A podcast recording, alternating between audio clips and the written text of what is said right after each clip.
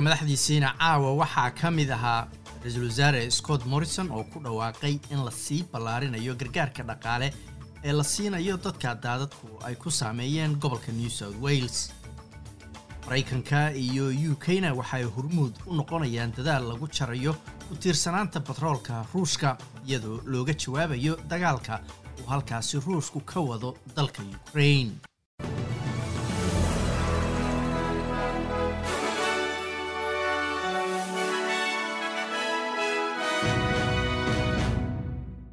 ra'iisul wasaare scott morrison ayaa ku dhawaaqay in la sii ballaarinayo taageerada tooska ee lacageed ee la siiyo shakhsiyaadka daadadku ay saameeyeen isagoo sidoo kale ku tilmaamay burburka daadadku ka geysteen magaalada lismore masiibo qaran. Isagoo ku sugan magaaladan dhibaatadu soo gaartay ayuu ra'iisul wasaaruhu sidoo kale ballan qaaday in maalgelin dowladda federaalku ay ka caawinayso maaraynta daadadka si looga hortago masiibooyin kuwan oo kalea inay mustaqbalka dhacaan. We've also got to give people hope about the future of the Northern Rivers. Now, these issues have been debated in and around Lismore waa inaan sidoo kale dadka siino rajo mustaqbalka gobolkan northern rivers la yidhaahdo arrimahaasi waa kuwo waqti dheer lismore looga soo doodayey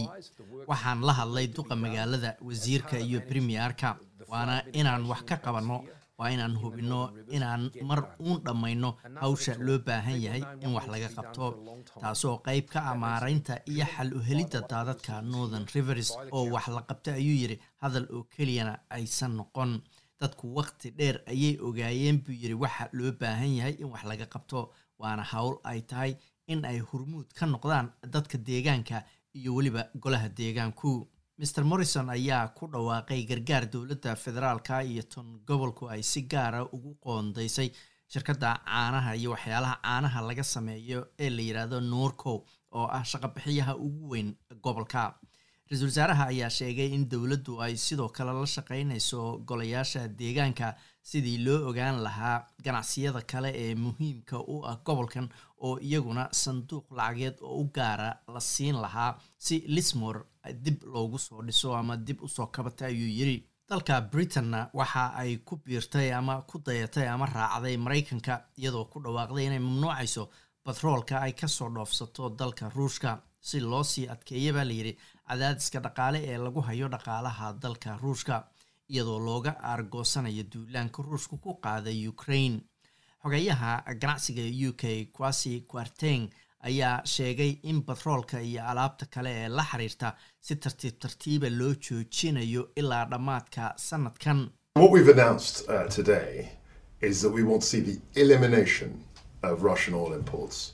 Waxa aan ku dhawaaqnay maanta waa inaanu doonayno inaan joojino batroolka aan ka soo dhoofsanno ruushka inta sanadkan lagu jiro. Taasina waxay waqti siinaysaa buu yidhi in daruufaha cusub ay la qabsadaan ganacsatadu. Laakiin waxaan doonaynaa inaanu ka takhalusno batroolka ruushka. Sidaan sheegayna inta lagu jiro sanadkan oo markii dabayaaqada sanadkan la gaaro batrool dambe laga soo dhoofsan dalkaasi quarteng ayaa xaqiijiyey in u k ay kala shaqeynayso dalalka kale ee batroolka soo saara oo ay ku jiraan maraykanka holland iyo dalalka khaliijka si batrool meel kale ay uga soo gataan. Tan ayaa imanaysa kadib markii madaxweynaha ukraine volodimir zelenski uu ka codsaday maraykanka iyo dalalka kale ee reer galbeedku inay jiraan batroolka ay ka soo dhoofsadaan ruushka. Batroolka ayaan horey loogu darin cunaqabatayno ad adag oo lagu soo rogay ruushka dhowaanahan dhanka kalena iyadoo madaxweyne biden uu ku dhawaaqay inuu mamnuucayo batroolka dalkiisu ka soo gadan jiray ruushka ayaa waxaa la filayaa in dadka gawaarileyda ee dalkan australia ay halkii litir oo batrool ahba ku gataan laba doolar inta dagaalka ruushka ee ukraine uu socdo. Afhayeena hadlay ururka gawaarileyda ee new south wales ee la yidhaahdo n r m a peter cury ayaa sheegay in lacagta ay batroolka ka bixinayaan darwalladu uu yahay midaan hore loo arag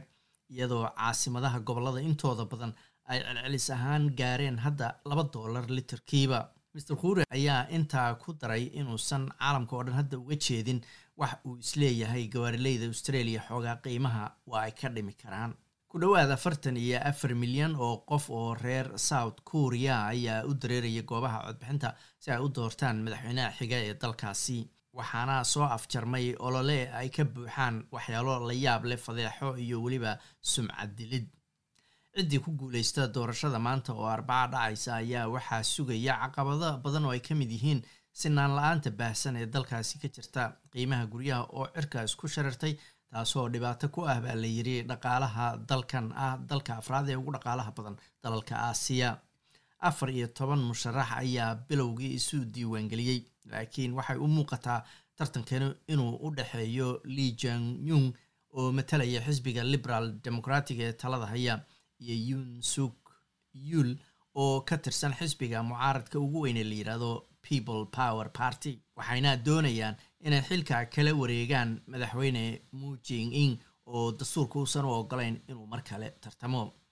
qofkii ku guuleysta jagada madaxweynenimada ayaa tobanka bisha may waxa uu bilaabi doonaa muddaxileedka ugu horreeya oo ah shan sano. Aan ku bilaabo xubinta isboortiga kulamo ku tirsan lugta labaad wareegga lix iyo tobanka koobka naadiyada yurub ee champions league ayaa xalay la ciyaaray. Kooxda bayer ee dalka jarmalka ayaa ku tumatay. Kooxda salzburg ee dalka austria waxaana ciyaar xiiso badan oo ka dhacday. Garoonka kooxda bayer ay ku soo idlaatay toddoba gool iyo hal oo ay guusha ku qaadeen. Kooxda bayer iyadoo lugta koobaadna gool iyo gool barbardhac labada kooxood ay soo galeen. Weeryahanka reer poland ee u ciyaara kooxda bayer roberto lewandowski ayaa dheliyey goolasha saddexleyda isagoona saddex iyo labaatan daqiiqo oo keliya ku qaadatay in saddexdiisii gool uu xaqiijiyo. Labada gool ee hore ayaa waxay ahaayeen gool kulaad loo dhigay isla ciyaaryahankan roberto lewandowski halka gool kalena uu raacsaday daqiiqadii saddex iyo labaatanaad waxaana kabtanka xulka qaranka dalka poland iminka uu saftay kulankiisii boqolaad ee tartanka champions league. Lugtii koobaad labada kooxood gool iyo gool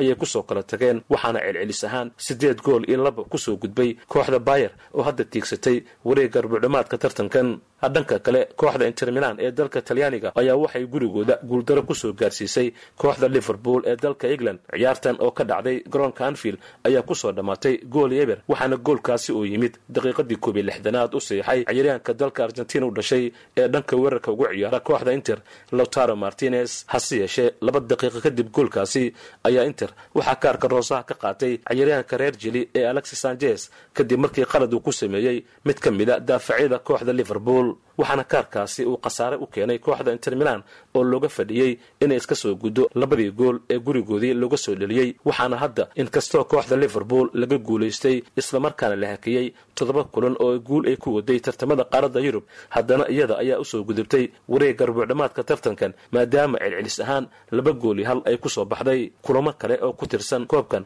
ayaa caawa dhici doonaa waxaana ballansan kooxaha real madrid iyo b s g oo kulankii lugta koobaad kooxda b s g gool eber ay ku soo adkaatay si la mid ah kooxda manchester city ayaa soo dhoweyn doonta sporte lisbon oo dalka portugal ka dhisan. Hase yeeshee lugta koobaad ee kulankan ayaaba lagu kala baxay maadaama shan gooli eber ay kooxda manchester city ku soo adkaatay. Ugu dambayntiina xidiga u dhashay dalka britain ee ciyaara ciyaarta tenniska andy muray ayaa ballan qaaday in lacagaha uu ka helo ciyaaraha tenniska wixii ka harsan sanadkan uu ku deeqi doono carruurta dalka ukraine ee saamaynta ay ku yeelatay duulaanka ruushka uu ku qaaday dalkaasi. Xidigii hore ee kaalinta koobaad ciyaartooyda tenniska dunida ayaa kala shaqaynaya hay'adda unisef arrimaha dhanka caafimaadka iyo qalabka kale ee horumarinta carruurta weerarka uu ruushka ku qaaday dalka ukraine ayaa ilaayo hadda waxaa ka qaxay in ka badan laba milyan oo ruux in ka badan toddoba dhibic shan milyan oo carruur ah ayaa halis u galay iska hor imaadka sii kordhaya ee ka jira dalka ukraine ayuu yidhi andy muray oo soddon iyo afar sano jir ah ninkan saddexda jeer ku guulaystay